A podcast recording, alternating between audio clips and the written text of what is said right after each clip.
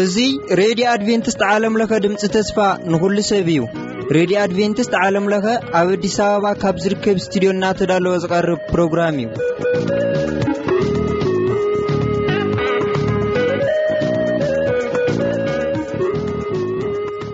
እዚ ትከታተሉ ዘለኹም ረድዮኹም ረድዮ ኣድቨንቲስት ዓለም ለኸ ድምጺ ተስፋ ንኹሉ ሰብ እዩ። ሕዚ እቲ ናይ ህይወትና ቀንዲ ቁልፊ ዝኾነ ናይ ቃል እግዚኣብሔር ምዃኑ ኩላትኩም ኣይትዘንግዕዎን።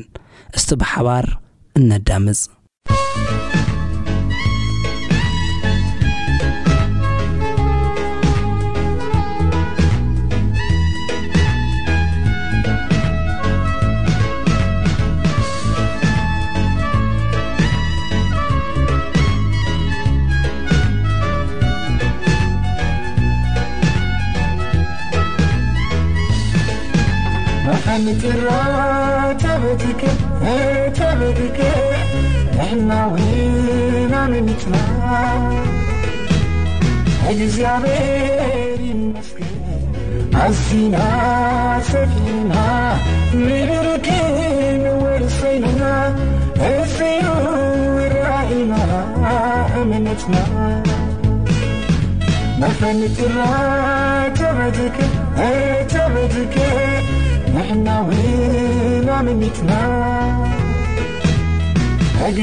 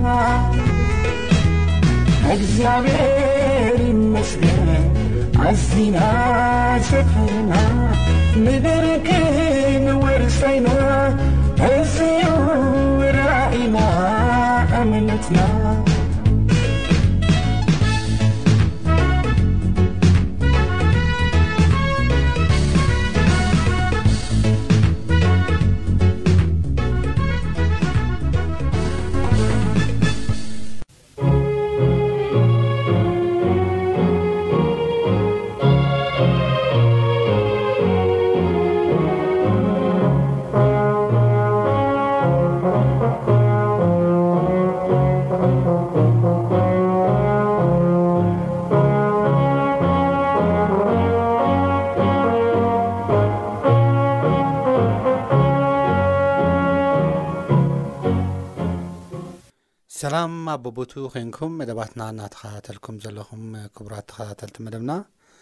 ኣብ ዝሓለፈ ናይ ቃል ግዜና ዘጸናንዕ ብጸባባና ኩሉ ዝድግፈና እግዚኣብሄር ከም ዝኾነ ርኢና ነርና ሎሚ ድማ ናብቲ መቐጸልቲ ውሒዝናልኩም ቀሪብና ኣለና ምሳና ጽንሑ ቅድሚ ምጅማርና ግን እግዚኣብሄር ምእንቲ ከምህረናን ክመርሓናን ክንጽሊ ኢና ንጸሊ እግዚኣብሔር ኣምላኽ ነመስግነካ ሓጢኣት በደልና ይቕሬልካ ምሕረትካ ኣብ ህይወትና ብዝሕ ቃልካ ውን ኣምህረና ብጎይታና መድሓና የሱስ ክርስቶስ ስም ኣሜን ሓራይ ካልኣይ ጢሞቴዎስ ምዕራፍ ሰለስተ ፍቕዲ ሓደ ዘሎ ሓሳብ ኢና ክንርኢ ማለት እዩ ካብኡ ጀሚሩ ክሳብ መወዳእታ ዘሎ ሓሳብ ጳውሎስ እውን ንጢሞቴዎስ ኣብዚ ሓሳብ እዚ ዝመዓዶ ምዕዶ ኢና ክንርኢ ማለት እዩ ኣብተ ንዳሕሮት መዓልትታት ግና ክፉ ዘመን ከም ዝመፅእ እዚ ፍለጥ ኣብተ ንዳሕሮት መዓልትታት ግን ክፉእ ዘመን ከም ዝመጽእ ዝፈለጥ ሽዑ ሰባት ፈተውቲ ርእሶም ክኾኑ እዮም እሞ ፈተውቲ ገንዘብ፣ ተጃሃርቲ፣ ዕቡያት፣ ተጻረፍቲ፣ ንወለዶም ዘይእዘዙ፣ ዘየማሱ፣ ርኹሳት፣ ፍቕሪ ንስድራ ቤቶም እኳ ዘይብሎም፣ ተቐየምቲ፣ ሓመይቲ፣ ቀለልቲ፣ ጨካናት፣ ሰናይ ዘይፈትዉ፣ ኣሕሊፎም ዝህቡ፣ ህዉኻት፣ ተፈኽነንቲ፣ ካብ ኣምላኽ ምፍቃርሲ ኣዕዚዞም ተድላ ዝፈትዉ፣ እቶም መልክዕ ኣምልኾ ዘለዎም ነቲ ሓይሉ ግና ዝኸሓድዎ፣ ናብ ኣባይቱ ህርጕ እናበሉ ሓጢኣት ዝመልኣንን ብብዙሕ ትምኒት ዝደፍኣን ኵሉ ሳዕ ዘምህራ ናብቲ ፍልጠት ሓቂ ክበጽሓ ግና ከቶ ዘይክእላ ኣንስቲ ዝማርኹ ካብዚኣቶም እዮም እሞ፣ ካብዚኣቶም ርሓቕ። ከምቲ ኢያኒስና ኢያምብሬነስ ንሙሴ እተቓወምዎ፣ እቶም ኣእምሮኦም ዝጠፍኤ ብእምነት ዘይተፈተኑ ሰባት ድማ ከምኡ ነታ ሓቂ እቃወምዎ ኣለዉ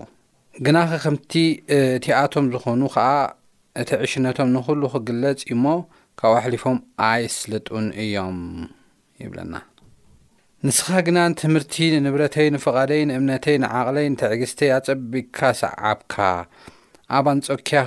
ኢቆንያ ልስጥራ ዝበጽሓኒ ስደተይ መከራይ ከምዚ ዝበለ ስደት ጾርኩ ጎይታ ግና ካብ ኩሉ ኣድሓነኒ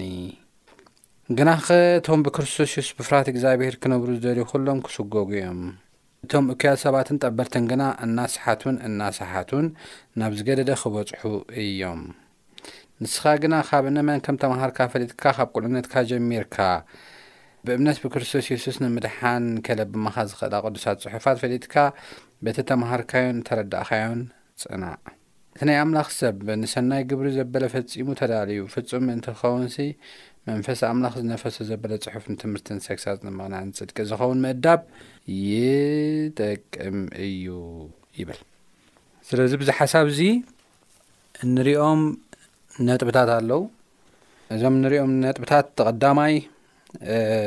ኣብተን ዳሕሮት መዓልታት ግና ክፉእ ዘመን ከም ዝመጽእ ዝፍለጥ ዝብል እዩ ክፉእ ዘመን ክመጽእ እዩ ኢሊ ጳውሎስ ኣብ ዝነበረሉ ግዜ ዝጽሕፎ ናይዚ ክፉእ ዘመን ውጽኢት ድማ ናይ ሰብ ዓመፅን ናይ ሰብ ካብ እግዚኣብሔር ምርሓቕን ሓጢኣት ምብዝሑን እዩ ማቴዎስ ምዕራፍ 24 ከይድና ንሪኦ ኣለዋን ካብ ብዝሒ ዓመፃስ ፍቕሪ ብዙሓት ክዝሕል እያ ከም ዝተባህለ ካብ ብዝሒ ዓመፃ ከዓ እቲ ዘመን ክፉኡ ከም ዝኸውን ሓልዮት ከም ዝጠፍእ ጭካነ ከም ዝበዝሕ፣ ሽግር ስደት ከም ዝመጽእ፣ እቲ ዘመን ከም ዝኸፍእ እዩ ዘርእየና ማለት እዩ እቲ ቀዳማይን ዋና ሓሳብን ማለት እዩ። ስለዚ ኣብዚ ክፉእ ዘመን ከመይ ጌርና ክንነብር ከም ዝግባኣና ክንመሃር ክንፈልጥ ይግባኣና እዩ ወይ ድማ ምኽሪ ክንቅበል ይግባኣና እዩ መጽሓፍ ቅዱስ ነዚ ነገር እዚ ዝመኽሮ ወይ ዘቐምጦ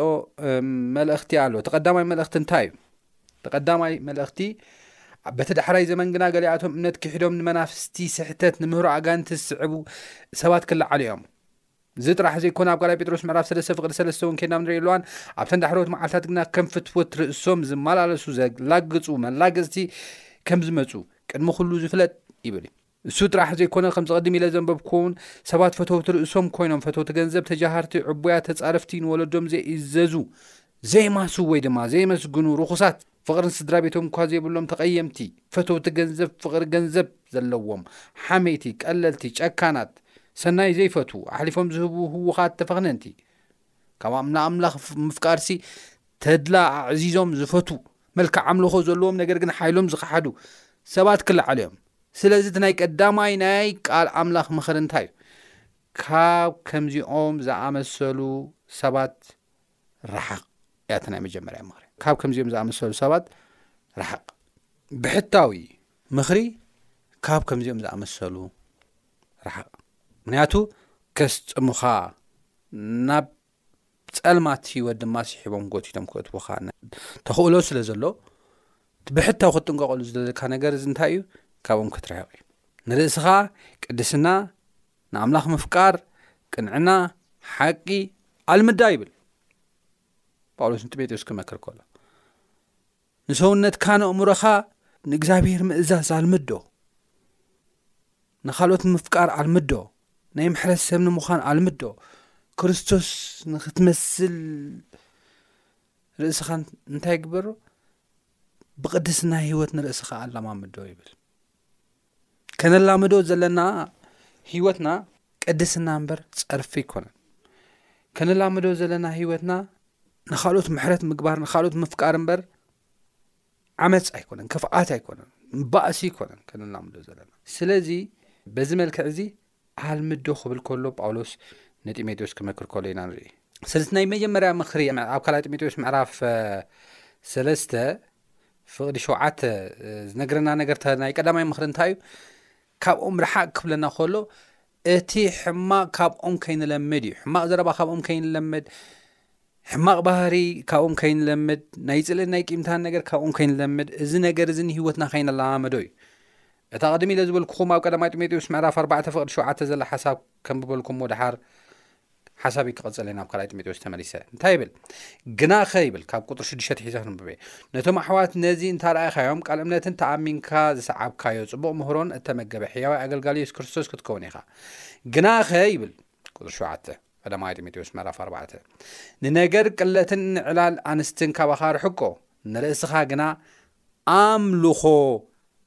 ኣልምዳ ንርእስኻ ግን ኣምልኾ ኣልምዳ። እዚ ኣምልኾ ዝብል ዘሎ ቃል ኴንና ኣብ ንርእየሉ እዋን Godliness ዝብል ትርጉም እዩ ተዋሂብዎ ዘሎ ብናይ እንግሊዝኛ። Godliness ማለት ንኣምላኽ ምምሳል፣ ንክርስቶስ ምምሳል፣ ብባህሪኻ ንክርስቶስ ምምሳል ዝብል ትርጉም እዩ ዘለዎ ናይ ኣምሓርኛ ትርጉም ድማ ከድና ንሪኢ ኣለዋን እንታይ ዝብል እግዚኣብሄር ንምምሳል እዩ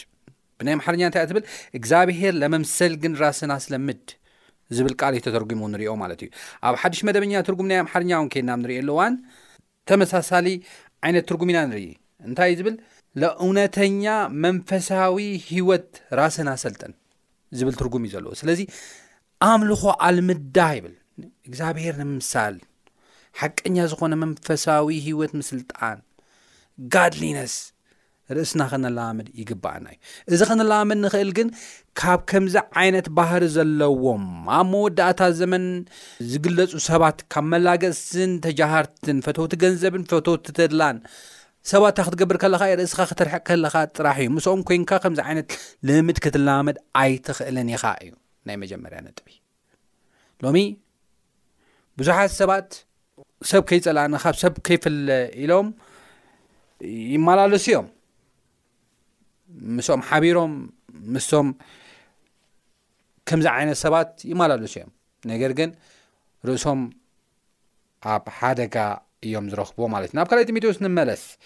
ካልኣይ ጢሞቴዎስ ምዕራፍ ሰለስተ እንደገና ካልኣይ ዝመኽረና ነገራት ኣሎ እንታይ እዩ እቲ ዝመኽረና ነገር ናይ መጀመርያ ረሓቕ እዩ ካብ ከምዚ ዓይነት ሰባት ረሓቕ እዩ ክትርሕቕ ከለኻ ግን ይብል መፅሓፍ ቅዱስ ክዛረበና ከሎ ክትርሕቕ ከለኻ ግን እንታይ ኣሎ እዩ? ፈተና ኣሎ እዩ ይብል ቁፅሪ 12 ካልኣይ ጢሞቴዎስ ምዕራፍ 3 ፍቅዲ 12 ግና ከቶም ብክርስቶስ የሱስ ብፍርሃት እግዚኣብሄር ክነብሩ ዝደልዩ ኩሎም ክስጎጉ እዮም ይብል ኣነ ተሰዲደ እየ፣ ኣነ ተሰጒገ እየ ይብል ጳውሎስ ክዛረብ ከሎ። ስለዚ እቶም ብክርስቶስ የሱስ ብፍርሃት እግዚኣብሄር ክነብሩ ዝደልዩ ሰባት ንሶም ድማ እንታይ ክገብሩ እዮም? ክስጎጉ እዮም። ነገር ግን ይብል ጳውሎስ ነገር ግን ኣነ እኳ ተተሰደድኩ ኣብ ልስጥራን ኣብ ኢቆንያን ከቢድ ስደት እኳ እንተበጽሓኒ ጎይታ ግና ካብ ኩሉ ኣድሓነኒ ይብል። ዘድሕን ጎይታ ግን ኣሎ እዩ። ኣብ ዝሓለፈ ናይ ቃል ግዜና ምሳኻየ እዩ ዝበለ። ብማያት ምስ እትሓልፍ ምሳኻየ፣ ብሓዊ ምስ እትሓልፍ ኣይክህሙኸካን እዩ፣ ትማይ እውን ኣይቀትሕለካን እዩ ዝበለ ጎይታ ምሳና እዩ።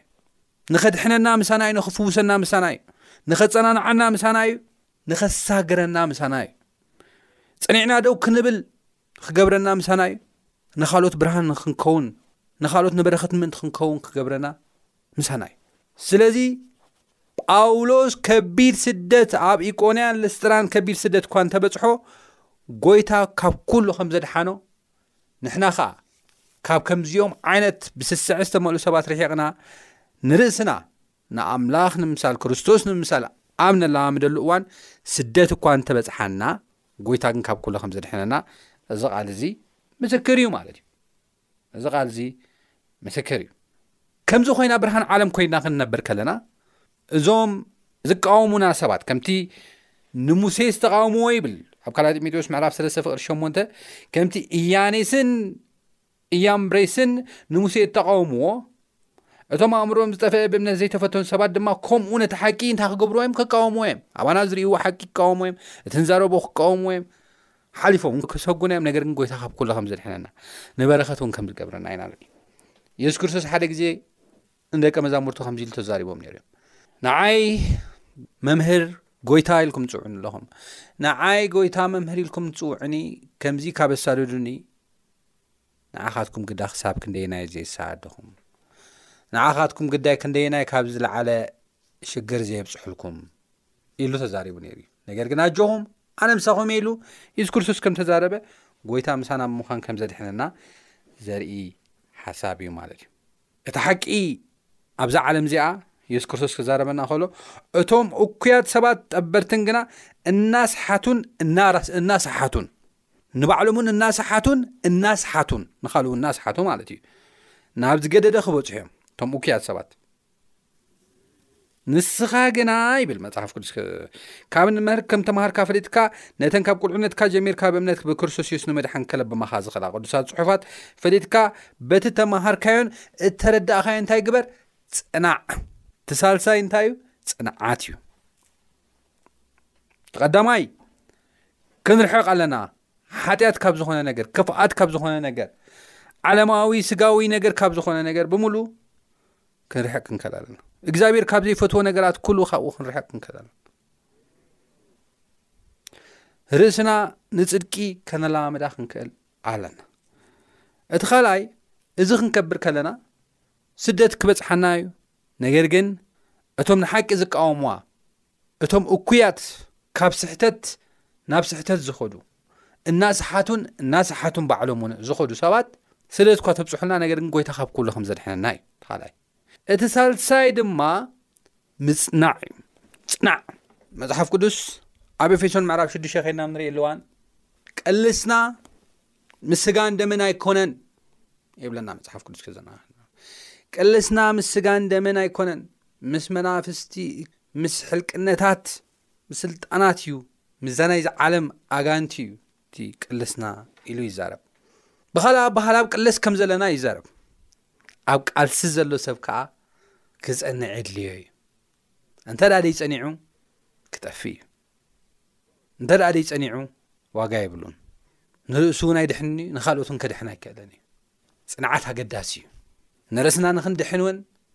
ኣገዳሲ እዩ፣ ንኻልኦት እውን ንበረኸት ንኽንከውን ናይ መድሓን ምኽንያት ክንከውን እውን ኣገዳሲ እዩ። ስለዚ ጳውሎስ ንስኻትኩም ኣብ ቃልሲ ኢኹም ዘለኹም፣ ስለዚ ኣብ ቃልሲ ከም ዘለኹም ሰባት ፈሊጥኩም ድማ እንታይ ግበሩ በቲ ተምሃርኩምዎ በቲ ኣብ ቃል እግዚኣብሄር ዘሎ ሓቂ በቲ ፍቕሪ ኣምላኽ በቲ ምሕረት ኣምላኽ እንታይ ግበሩ ብኡ ፅንዑ ይብለና ምክንያቱ ኣብዚ ቃል ኣምላኽ ክንፀንዕ ከለና በቲ ኣብ ቃል ኣምላኽ ዘሎ ኣብ መፅሓፍ ቅዱስ ዘሎ ቃል ብኡ ክንፀንዕ ከለና ሓደ፣ ንክርስቶስ እናመሰልና እናዓበና ኢና ንኸይድ። እዚ ማለት ምስቲ ናይ ሰማይ፣ ምስቲ እግዚኣብሄር ምስ ዘዳለዎን ምስ ዝሓሰብ ከም ዝሓሰቦን which is ኣብ ዮሃንስ ወንጌል ምዕራፍ 14 ዝብሎ ስፍራ ከዳለወልኩም እኸይድ ኣለኹ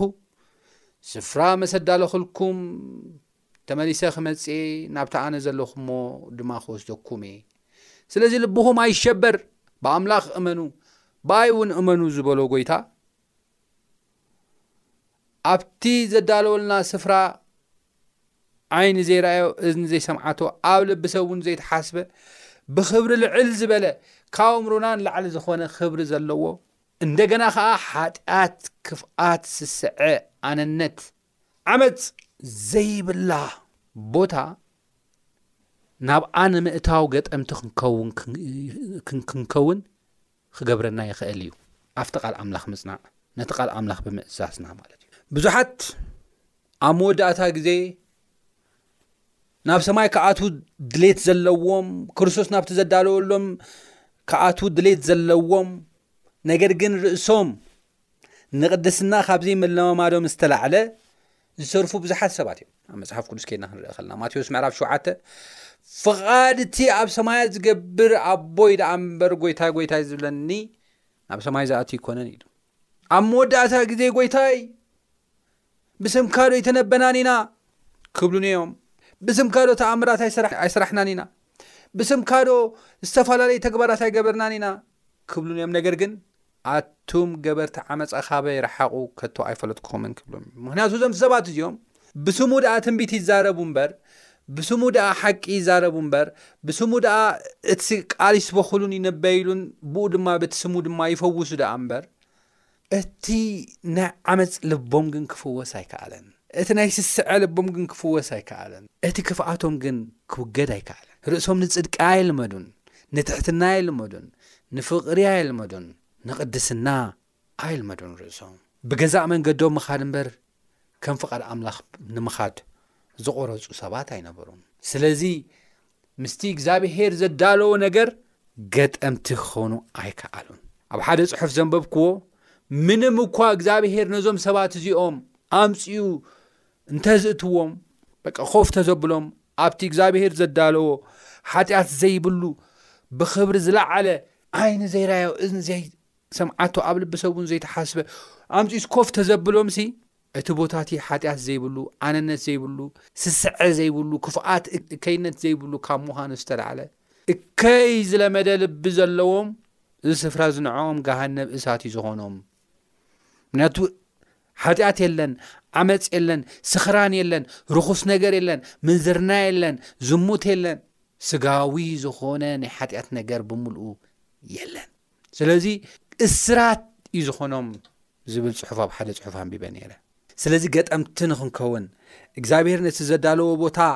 ናይ ሓጎስ ቦታ ክኾነልና ንኽ- ትኽእል ኣብዚ ምድሪ እዚ ናይ ቅድስና ህይወት ክንለማመድ ከለና እዩ ኣብዚ ምድሪ እዚ በቲ ሓቂ ክንጸንዕ ከ- በቲ ሓቂ ክነብር ከለና እዩ ክነብር እንተ ደኣ ዘይክኢልና ግን ከቢድ እዩ ዝኸውን ማለት እዩ ክነብር እንተ ደኣ ዘይክኢልና ግን ከቢድ እዩ ዝኸውን ክቡራት ኣሕዋተይ ናብቲ ኣዝዩ ኣገዳሲ ዝበሃል ነገር ክመጽእ ከለኹ፣ ኣብ ካልኣይ ጢሞቴዎስ ዝብሎ ነገር ተሃለወ እንታይ እዩ? ንስኻ ግና ካብ ንመን ከም ተመሃርካ ፈሊጥካ፣ ነተን ካብ ቁልዕነትካ ጀሚርካ ብእምነት ብክርስቶስ የሱስ ንመድሓን ከለብማኻ ዝኽእላ ቅዱሳት ጽሑፋት ፈሊጥካ ኢኻ እሞ፣ በቲ እተመሃርካዮን እተረዳእካዮን ጽናዕ ምስ በለ፣ እቲ ናይ ኣምላኽ ሰብ ይብል። ንሰናይ ግብሪ ዘበለ ፈጺሙ ተዳልዩ ፍጹም ምእንቲ ክኸውን፣ መንፈስ ኣምላኽ ዝነፈሶ ዘበለ ጽሑፍ ንትምህርቲ፣ ንተግሳጽ፣ ንምቕናዕ፣ ንጽድቂ ዝኸውን ምእዳብ ይጠቅም እዩ። ስለዚ ፈጺሙ ተዳልዩ ፍጹም ምእንቲ ክኸውንሲ እንታይ ክገብር እዩ? ቃል ኣምላኽ ነዚ ነገራት እዚ ይጠቅም እዩ ይብለና። ስለዚ ቃል ኣምላኽ ከነንብብ፣ ከነጽንዕ፣ ኣብኡ ኸኣ ክንነብር፣ ርእስና ንቓል ኣምላኽ ንምእዛዝ ከነለማምዳ ከም ዝግብኣና እዩ እዚ ሓሳብ እዚ ዘምህረና ማለት እዩ። እሞ ኣሕዋተይ ከም ፍቓዱ ክንነብር፣ ከም መንገዱ ክንመላለስ፣ ኣብኡ ድማ ክንጸንዕ፣ በዚ ክፉእ ዘመን ብዓመት ዝተመልአ ዘመን ድማ መንቅብ ዘይብሎም ናይ እግዚኣብሄር ውሉድ ኮይና ክንመላለስ እግዚኣብሄር ጸጉ የብዝሓልና።